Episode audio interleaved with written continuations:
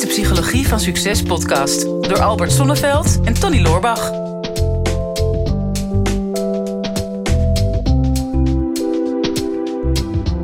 Ik weet niet zo goed hoe ik moet beginnen, Albert. Wij doen om en om de podcast beginnen. Ja. Dat is mijn beurt. Ja. Maar ik, ik Nee. durf nee, nog niet aan. Nee, nee, nee. Het is ook echt wel een heel pijnlijk onderwerp, Tony. Ik snap het ook. Ja. Ik, laat ik de luisteraars en kijkers maar gelijk uit de droom helpen. Eh, namelijk, het gaat over bindingsangst. Ja. En, ja, en Tony, jij hebt daar nooit helemaal onder stoelen of banken gestoken. Mm. Eh, ja, je hebt best wel wat gestruggeld met eh, relaties. ja, bindingsangst. Ja, ik durf mijn veters nog niet eens te strikken. nee, nee, bondage en zo, dat doe je ook allemaal niet aan natuurlijk. Nee. Nee. nee. Ja, ja en dan, dan moeten we het er toch maar even over hebben, Tony. Want eh, nou, dit soort bindingsangst heeft vooral toch te maken met het al of niet aangaan van relaties. Ja, gaan we, daar, gaan we daarop focussen? Ja, Ja. wel. Wij hebben ook een ja. relatie met elkaar natuurlijk. En met de luisteraars en Ja. met de collega's en vrienden. En Mhm. och man, we stikken van de relaties. Ja. Maar de kwaliteit van de relaties, die kan een beetje variëren. Ja, het is wel een interessant thema. Hè? Eh, we hebben daar best wel wat vragen over gekregen, bindingsangst. We hebben ook ooit eh Paulien Timmer geïnterviewd. Het ging over hechtingstijden. Toen kregen we daar ook nog weer, weer veel vragen over. Dus Ja. het is wel eens leuk om daar, eh, om daar een, beetje, een beetje bij stil te staan.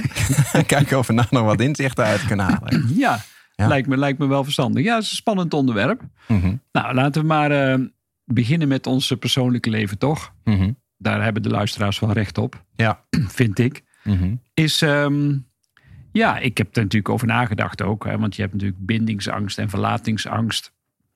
Een heel goed boek wat daarover geschreven is, is eh, Liefdesbang. Ja.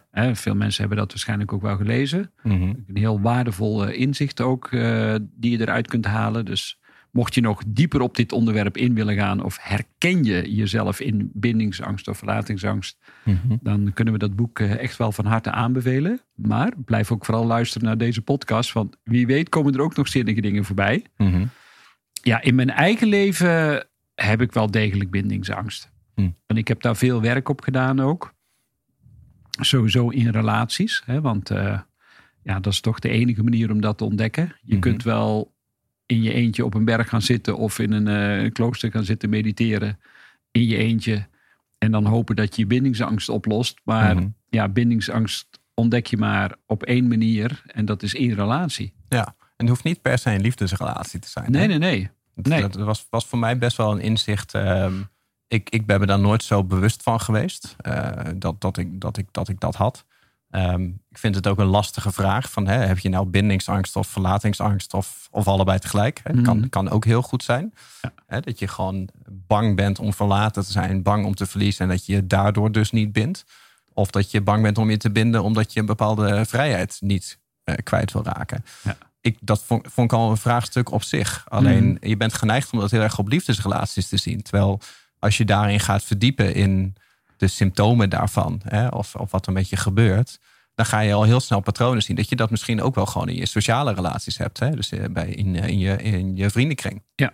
Dus als je van jezelf merkt van nou, ik ben toch wel iemand die eh, makkelijk isoleert. Hè? Dus bijvoorbeeld, zoals ik vaak deed, hè? als ik niet lekker in mijn vel zat, dan ging ik mezelf isoleren. En dan spreek je niet met mensen af. Dat kan een, een symptoom daarvan zijn. Hè? Dat je bang bent om andere mensen kwijt te raken. Dus dat je jezelf niet wil laten zien als jij niet in optima forma bent. Hè? Dus als je je slechter voelt, ga je jezelf dan isoleren.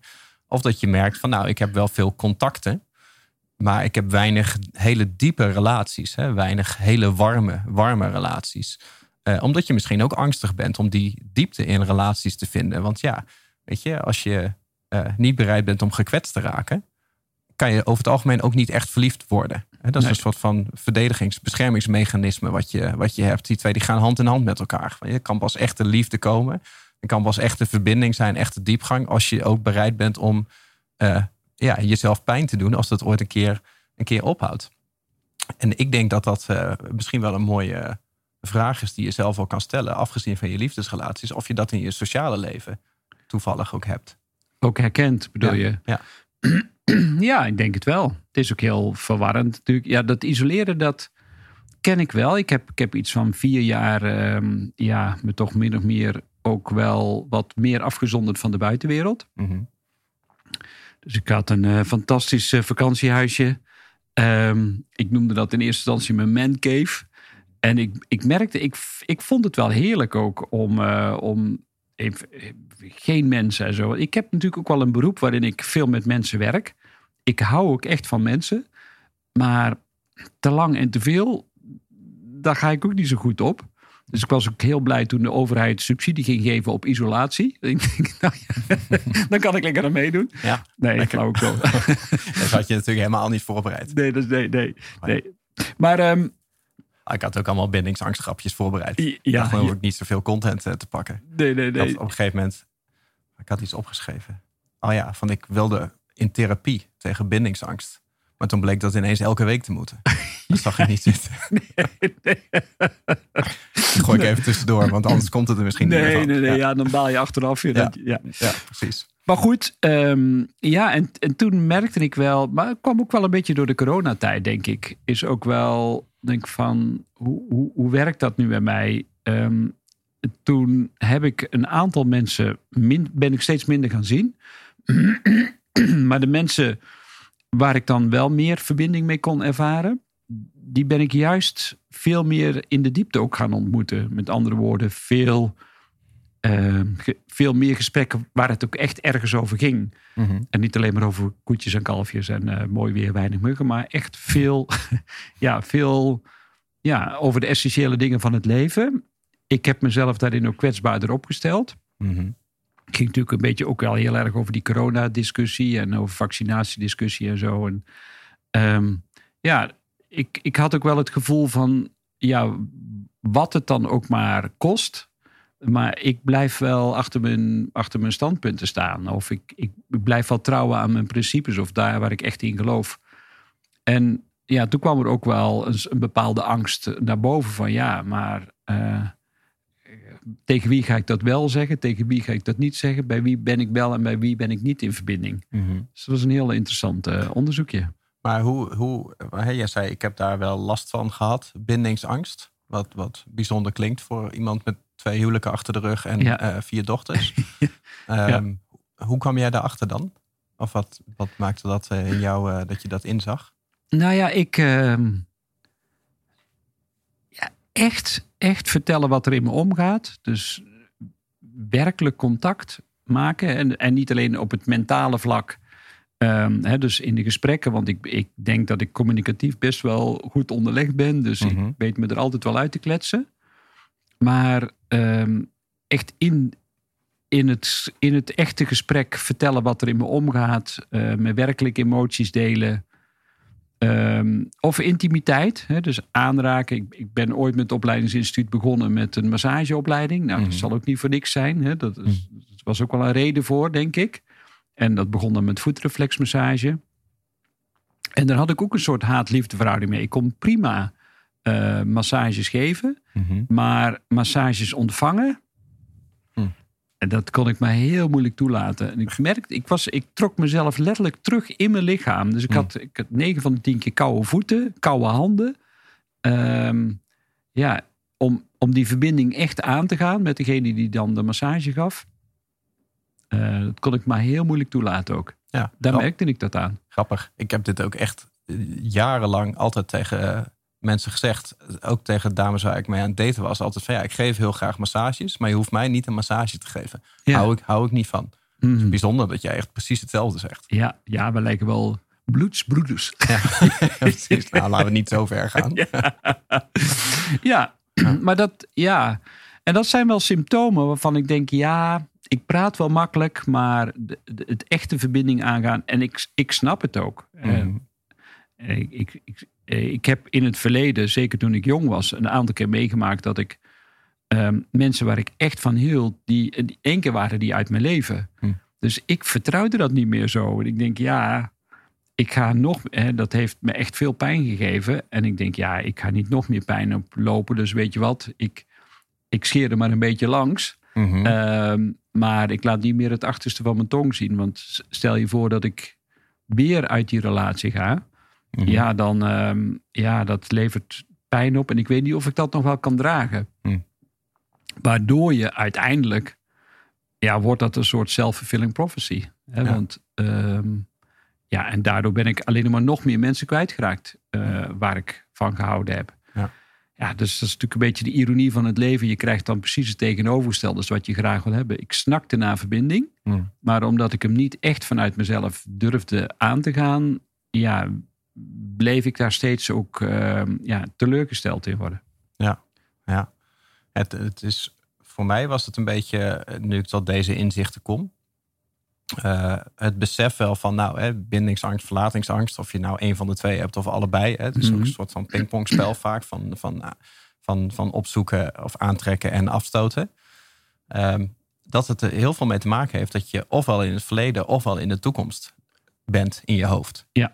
He, dus, dus bindingsangst is vaak de angst voor de toekomst. He, ik verlies mijn vrijheid of uh, ik, ik, verlies mezelf in deze relatie. Van wat er komen gaat. Ja. Of verlatingsangst vanuit het verleden. Ik ben al een paar keer gekwetst of ik ben al een paar keer verlaten. En je bent dan nooit eigenlijk per se in het, in het hier en nu. Nee. Uh, dat gaf voor, voor mij een grote doorbraak. Want ik heb dat bij mezelf nooit zo heel erg gerealiseerd. Maar ik zag wel heel vaak hetzelfde patroon. Van oké, okay, bijvoorbeeld als het om liefdesrelaties ging. Uh, ik ging op een date. En dan zat ik nog in de veroveringsfase. En dan was ik altijd helemaal aan boord. Hè. Dan had ik het idee van, ik ben nu echt heel erg enthousiast over haar. En Ja. als de Ja. veroveringsfase dan voorbij was, om het zo maar te noemen, heel oneerbiedig. Komt, gaat van twee kanten uit. Hè. Ehm, dan kwam ik in de modus van, oké, dat stukje is nu geweest. Ehm, nu eh, is, is die spanning er een beetje af. Nu ga ik meer nadenken over de toekomst, waar dit heen gaat. En daar zat dan natuurlijk een klein beetje een angst onder. En dan merkte ik van oké, ik heb nu meer tijd voor mezelf nodig. Hè? Of ik moet mezelf niet vergeten, ik moet mezelf niet verliezen. Eh, en dan ga ik automatisch ging ik dan meer afstand opzoeken. En hè, als je langzaamaan meer afstand opzoekt, hè, je gaat langzamer reageren, je gaat minder van jezelf geven, dan saboteer je als het ware zelf zo'n relatie. Dus ofwel zij heeft zoiets van, nou, het zal, het zal wel joh, laat maar. Ja. Of je hebt zelf zoiets van, nou, ze gaat vanzelf niet weg, dan stop ik er maar mee. Mhm. En als het eenmaal uit elkaar is, hè, dan komt die veroveringsdrang weer terug. Uh, en dan ga je weer moeite doen. En dat is dus eigenlijk een constant spel van, van aantrekken en afstoten. Ik ben me daar nooit zo bewust van geweest. Ondanks dat ik hier wel genoeg over gelezen heb. En dit vaak genoeg van andere mensen heb, heb gehoord. Uh, dus ik weet niet meer precies wat ik hiermee wil zeggen. Maar het patroon herkennen is natuurlijk al heel, heel wat. Daar en, begint het mee. en eerlijk naar jezelf durven zijn of jij misschien dat, dat patroon hebt. Hè? Of dat nou in liefde is of in sociale relaties. En op een gegeven moment zul je dat patroon moeten breken. Maar dat vind ik nog wel een moeilijke. Bij mij is het, bij mij is het laatst gelukt met, met, wat, met wat geestverruimende middelen. Maar laten, laten we dat mensen niet gaan, uh, gaan aanbevelen. How exciting. ja, dat was wel een leuk verhaal. Ja. Ja, ja. nou ja. Um, kijk, uiteindelijk wat uh, het woord zegt het al, bindingsangst. Er zit angst tussen. Hm. En angst is een super slechte raadgever. Als je angst hoort of ervaart, dan weet je al, oké, okay, nu moet ik aan de bak. Hm. Uh, want als je je laat leiden door angst, dan zul je nooit datgene krijgen waar je diep van binnen naar verlangt. Hm. Dus ja, ik, hoe moeilijk ook, hoe spannend, hoe verschrikkelijk, uh, hoeveel uh, ervaringen dat je hebt om je, om je eigen gedrag te rechtvaardigen.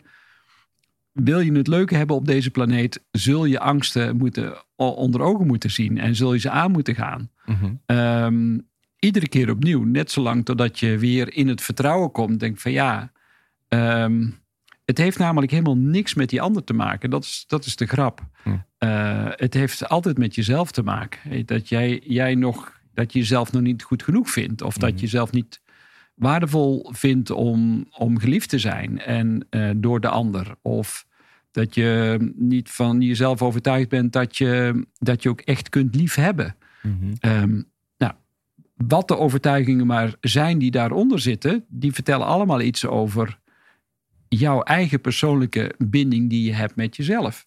Mm -hmm. Daar begint het mee. Dus eerst de verbinding maken met jezelf. Ja, hoe doe je dat? Door letterlijk en figuurlijk stil te zitten en, en van jezelf een lijst te maken van, nou, wat zijn de kwaliteiten, eigenschappen waar ik me al wel aan kan verbinden? En als ik heel eerlijk ben, welke wijs ik nog van mezelf af? Mm -hmm. Um, eh, bijvoorbeeld bij, bij jaloezie. er zijn er altijd dingen van jezelf die je nog niet goed genoeg vindt. Mm -hmm. Nou, wat, wat, wat is dat dan? Nou, als je dat onder ogen kunt zien en je kunt verbinding maken met jezelf, ja, dan kun je naar buiten, naar die ander, wat een prachtige spiegel is van jouw eigen binnenwereld. Mhm. Hoe kun jij uiteindelijk ook ehm, met alle angst die daarbij hoort, heel eerlijk van binnenuit zeggen: lieverd, ik ga die verbinding met je aan maar, en ik ben scheidbang. Of er is een deel van mij, want je bent het nooit helemaal. Maar er is een deel in jou wat het blijkbaar spannend vindt. En als je dat maar blijft uitspreken. En als dat er maar gewoon mag zijn. Want als je het gaat negeren of je gaat het ehm, ja, op allerlei manieren verdringen. Door hard te werken, door extreem te sporten, door ehm, alcohol of wat dan ook.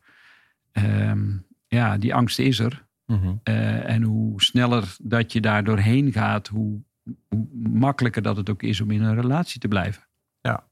Nou, wat, wat, wat ik merkte, en dat vind ik nog best wel een, een moeilijke, want ik heb daar niet een concreet eh, antwoord op of een concreet advies. Maar ik merkte dat eh, ik op een gegeven moment mijn eigen gedachten gewoon niet kon vertrouwen.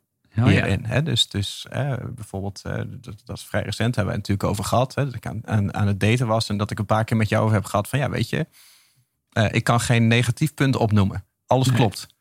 Maar ik voel het niet helemaal. Hmm. En, en kan niet helemaal plaatsen waarom dat, waarom dat is. En daar heb ik een hele tijd in mijn, in mijn hoofd mee gezeten. Hè? Dus, dus je gedachten creëren bepaalde uitdagingen of twijfel of een blik op de toekomst.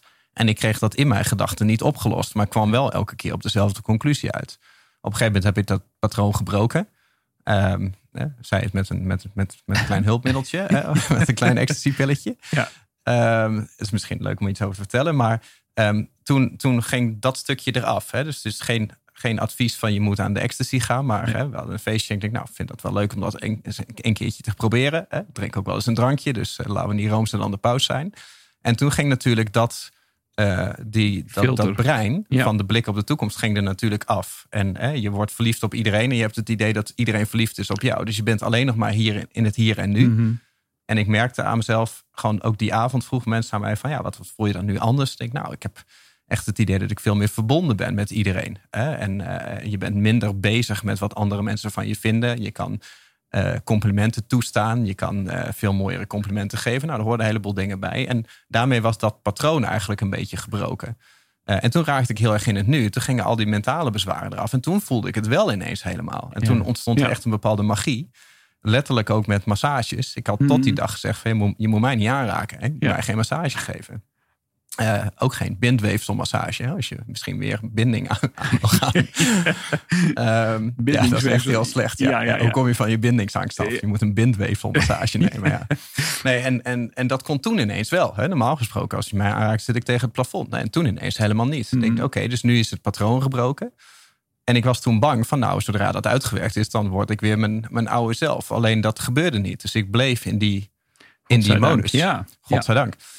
En wij hebben het natuurlijk wel over gehad. Van, nou, dat kan niet meer het effect zijn van. Maar dat is gewoon omdat je even ervaren hebt hoe dat voelde. En dat de angst die daarop zat, ook al was je er niet bewust van, die angst die is weggevallen. Hè? Dus je staat het jezelf nu toe om dit te voelen. Of Mhm. om die verbinding aan te gaan. En omdat het zo fijn heeft gevoeld en je zoveel vertrouwen hebt gekregen in dat gevoel, kun je dat blijven vasthouden. En dat vind ik het lastig. Ik vind het heel magisch dat het gebeurd is. Maar het is geen advies aan mensen van nou, dit is de oplossing. Nee. Maar ik kreeg het in mijn hoofd, kreeg ik dit niet voor elkaar. Nee. Dus ja, kan je dan je eigen brein wel vertrouwen? Nee. Nou. Nee, nee, nee, je brein kun je niet vertrouwen, dat is het probleem. Want je gedachten komen altijd achteraf. Hmm. Dus het, brein constateert, analyseert, ehm, categoriseert, maar heeft heel weinig te maken met het, met het hier en nu. Hmm. Ehm, eh, dus in die zin kun je je hart meer vertrouwen. Hè? Hmm. Eh, maar ja, er zit maar een paar seconden tussen. Tussen eh, het signaal wat je hart naar je brein geeft. En als je te veel dan op je brein verder gaat. Hè? Als je Mhm. iemand ontmoet en je hart gaat open, letterlijk en figuurlijk. En je, je, je voelt een connectie, dan is dat goed. Totdat je daar een plaatje op gaat plakken vanuit je hoofd. Zeg ja, maar toch niet, niet zo knap. Of niet zo bemiddeld. Of niet zo sportief. Of nou ja, weet ik wat. En dan, Mhm. dan komt de mentale filter eroverheen. Maar die eerste impuls, die is daarin ontzettend belangrijk. Mhm. Ehm, dus ga weer terug naar dat, dat eerste moment. Wat was er toen? Hmm. Eh, wat jou op dat moment raakte. Ja, en dan inderdaad je brein niet te veel vertrouwen daarin. Hè, want Hmm. je geeft jezelf altijd gelijk. Eh, en dat doe je allemaal op basis van je ervaring. En nou, jij vertelde ook al, je hebt, je hebt een, een behoorlijk lange dating-ervaring ook. Mhm. Ehm, waarin het nog niet gelukt was om je echt te binden. eh, Mhm. eh, op een niveau wat je nu ervaart.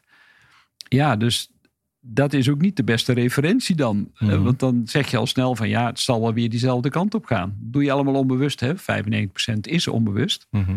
Maar ja, en dat is gek, maar je, daar heb je altijd een soort magische ervaring voor nodig.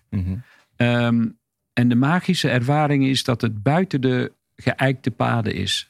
En ja, dat, hier komt al de disclaimer. eh, don't try this at home met geestverruimende middelen. Maar het kan ook zijn dat je in de natuur loopt en in één keer de verbinding voelt met alles. Mhm. Of dat je op de dansvloer bent en in één keer in een soort flow terechtkomt. Dat je denkt, wow, het, het- het- mijn ik verdwijnt. Mhm. En, en dat is wat er dan gebeurt. Je hebt, er is iets van die persoonlijkheid. En persoon komt van persona. En persona betekent masker. Mhm. Je laat eindelijk een keer je persoonlijkheid of je, je masker vallen. Was voor mij meer aan het daten. Er kwam altijd een persoon na. ja. Hij is toch weer zo grappig. ja, er kwam altijd de persoon na. En dat hield niet op. Hè, Nee. Totdat je je eigen persona liet vallen. Ja. En ja, daar sta je dan. En letterlijk en figuurlijk in de naakte waarheid. Mhm. Is, dus de, ja, er is een ego, er is een persoonlijkheid. En er is ook iets wat veel groter is dan jij, wat je bent. Mhm. En die verbinding, die magie, die overgave. En soms kan je dat ook in seksualiteit ervaren. Dat je, dat je totaal kunt versmelten.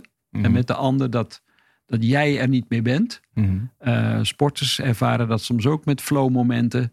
Eh, en in je bedrijf kun je dat ook soms ervaren. Die, die momenten dat je denkt, ja, ik dans niet, maar ik word de dans. Eh, Of Mhm. de- ik, ik word gedanst in feite. Mhm. Of ik schaats niet, maar ik word geschaatst. Mhm. Eh, dat, die, die magische momenten die helpen enorm om, om voorbij die bindingsangst te gaan. Want dan zie je, ik ben al lang verbonden. Ik hoef nergens bang voor te zijn. Afsluitend. eh, want ja, een podcast is geen podcast zonder een kleine anekdote. Ik kan er nog wel even in. Ja. Bede- bedenk ik me ineens. Ehm, ik had een tijdje geleden een stukje gelezen over een, ehm, over een, een crimineel die veroordeeld werd tot eh, de doodstraf. Want ja, het, eh, het misdaad gepleegd, zoals criminelen dat doen. En ehm, voordat hij te dood werd veroordeeld, stond hij voor de koning. Hè, die zei van oké, je mag eh, kiezen. Hè, we hebben enerzijds hebben we, eh, de galg, hè, Ja. strop. En anderzijds hebben we eh, een, een gordijn waarvan je niet weet wat erachter zit. Hmm. Je mag kiezen. Wat, wat wil je? Hè, die crimineel had al heel snel zoiets van... ja, weet je, ik ben te dood veroordeeld. Ja, doe me die galg maar. Weet je wat je hebt? Weet je wel? En toen hij op een gegeven moment stond met het touw om zijn nek... Hè, een soort van daadwerkelijke bindingsangst... Ehm, toen vroeg hij nog aan de koning van... ik ben wel benieuwd, eh, wat zit er achter dat gordijn? Want ja, ik kan het straks toch niet meer navertellen. En de koning zei ja, achter het gordijn zat je vrijheid. Had je, Hmm. ook, had je ook kunnen kiezen. Zeg maar, ik vraag dit aan iedereen die te dood veroordeeld is. En iedereen kiest voor de strop. Het is verbazend hoeveel mensen kiezen voor datgene wat ze kennen. Uit pure angst voor het onbekende.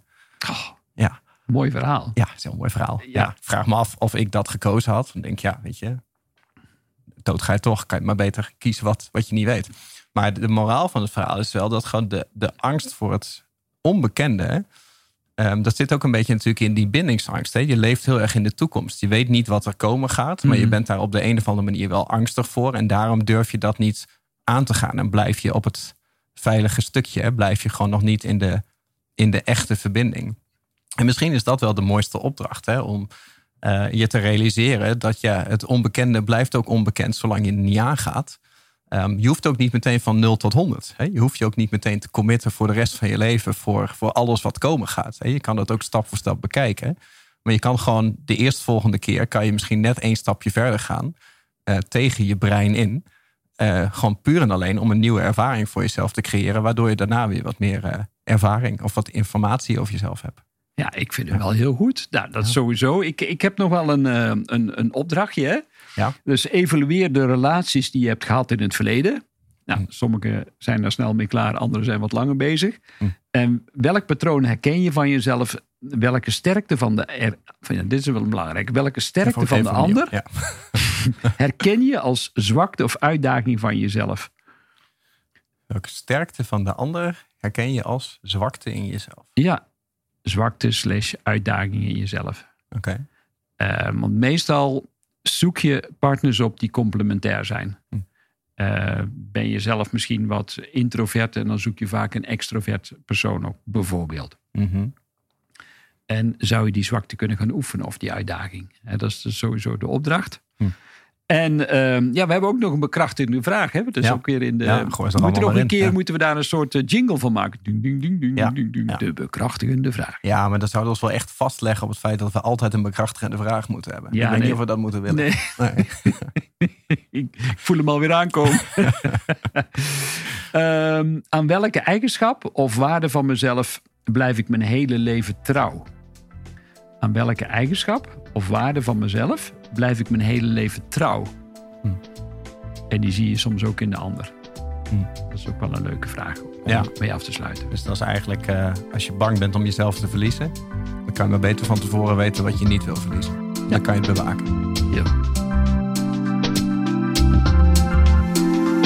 Dit is de Psychologie van Succes podcast door Albert Sonneveld en Tony Loorbach.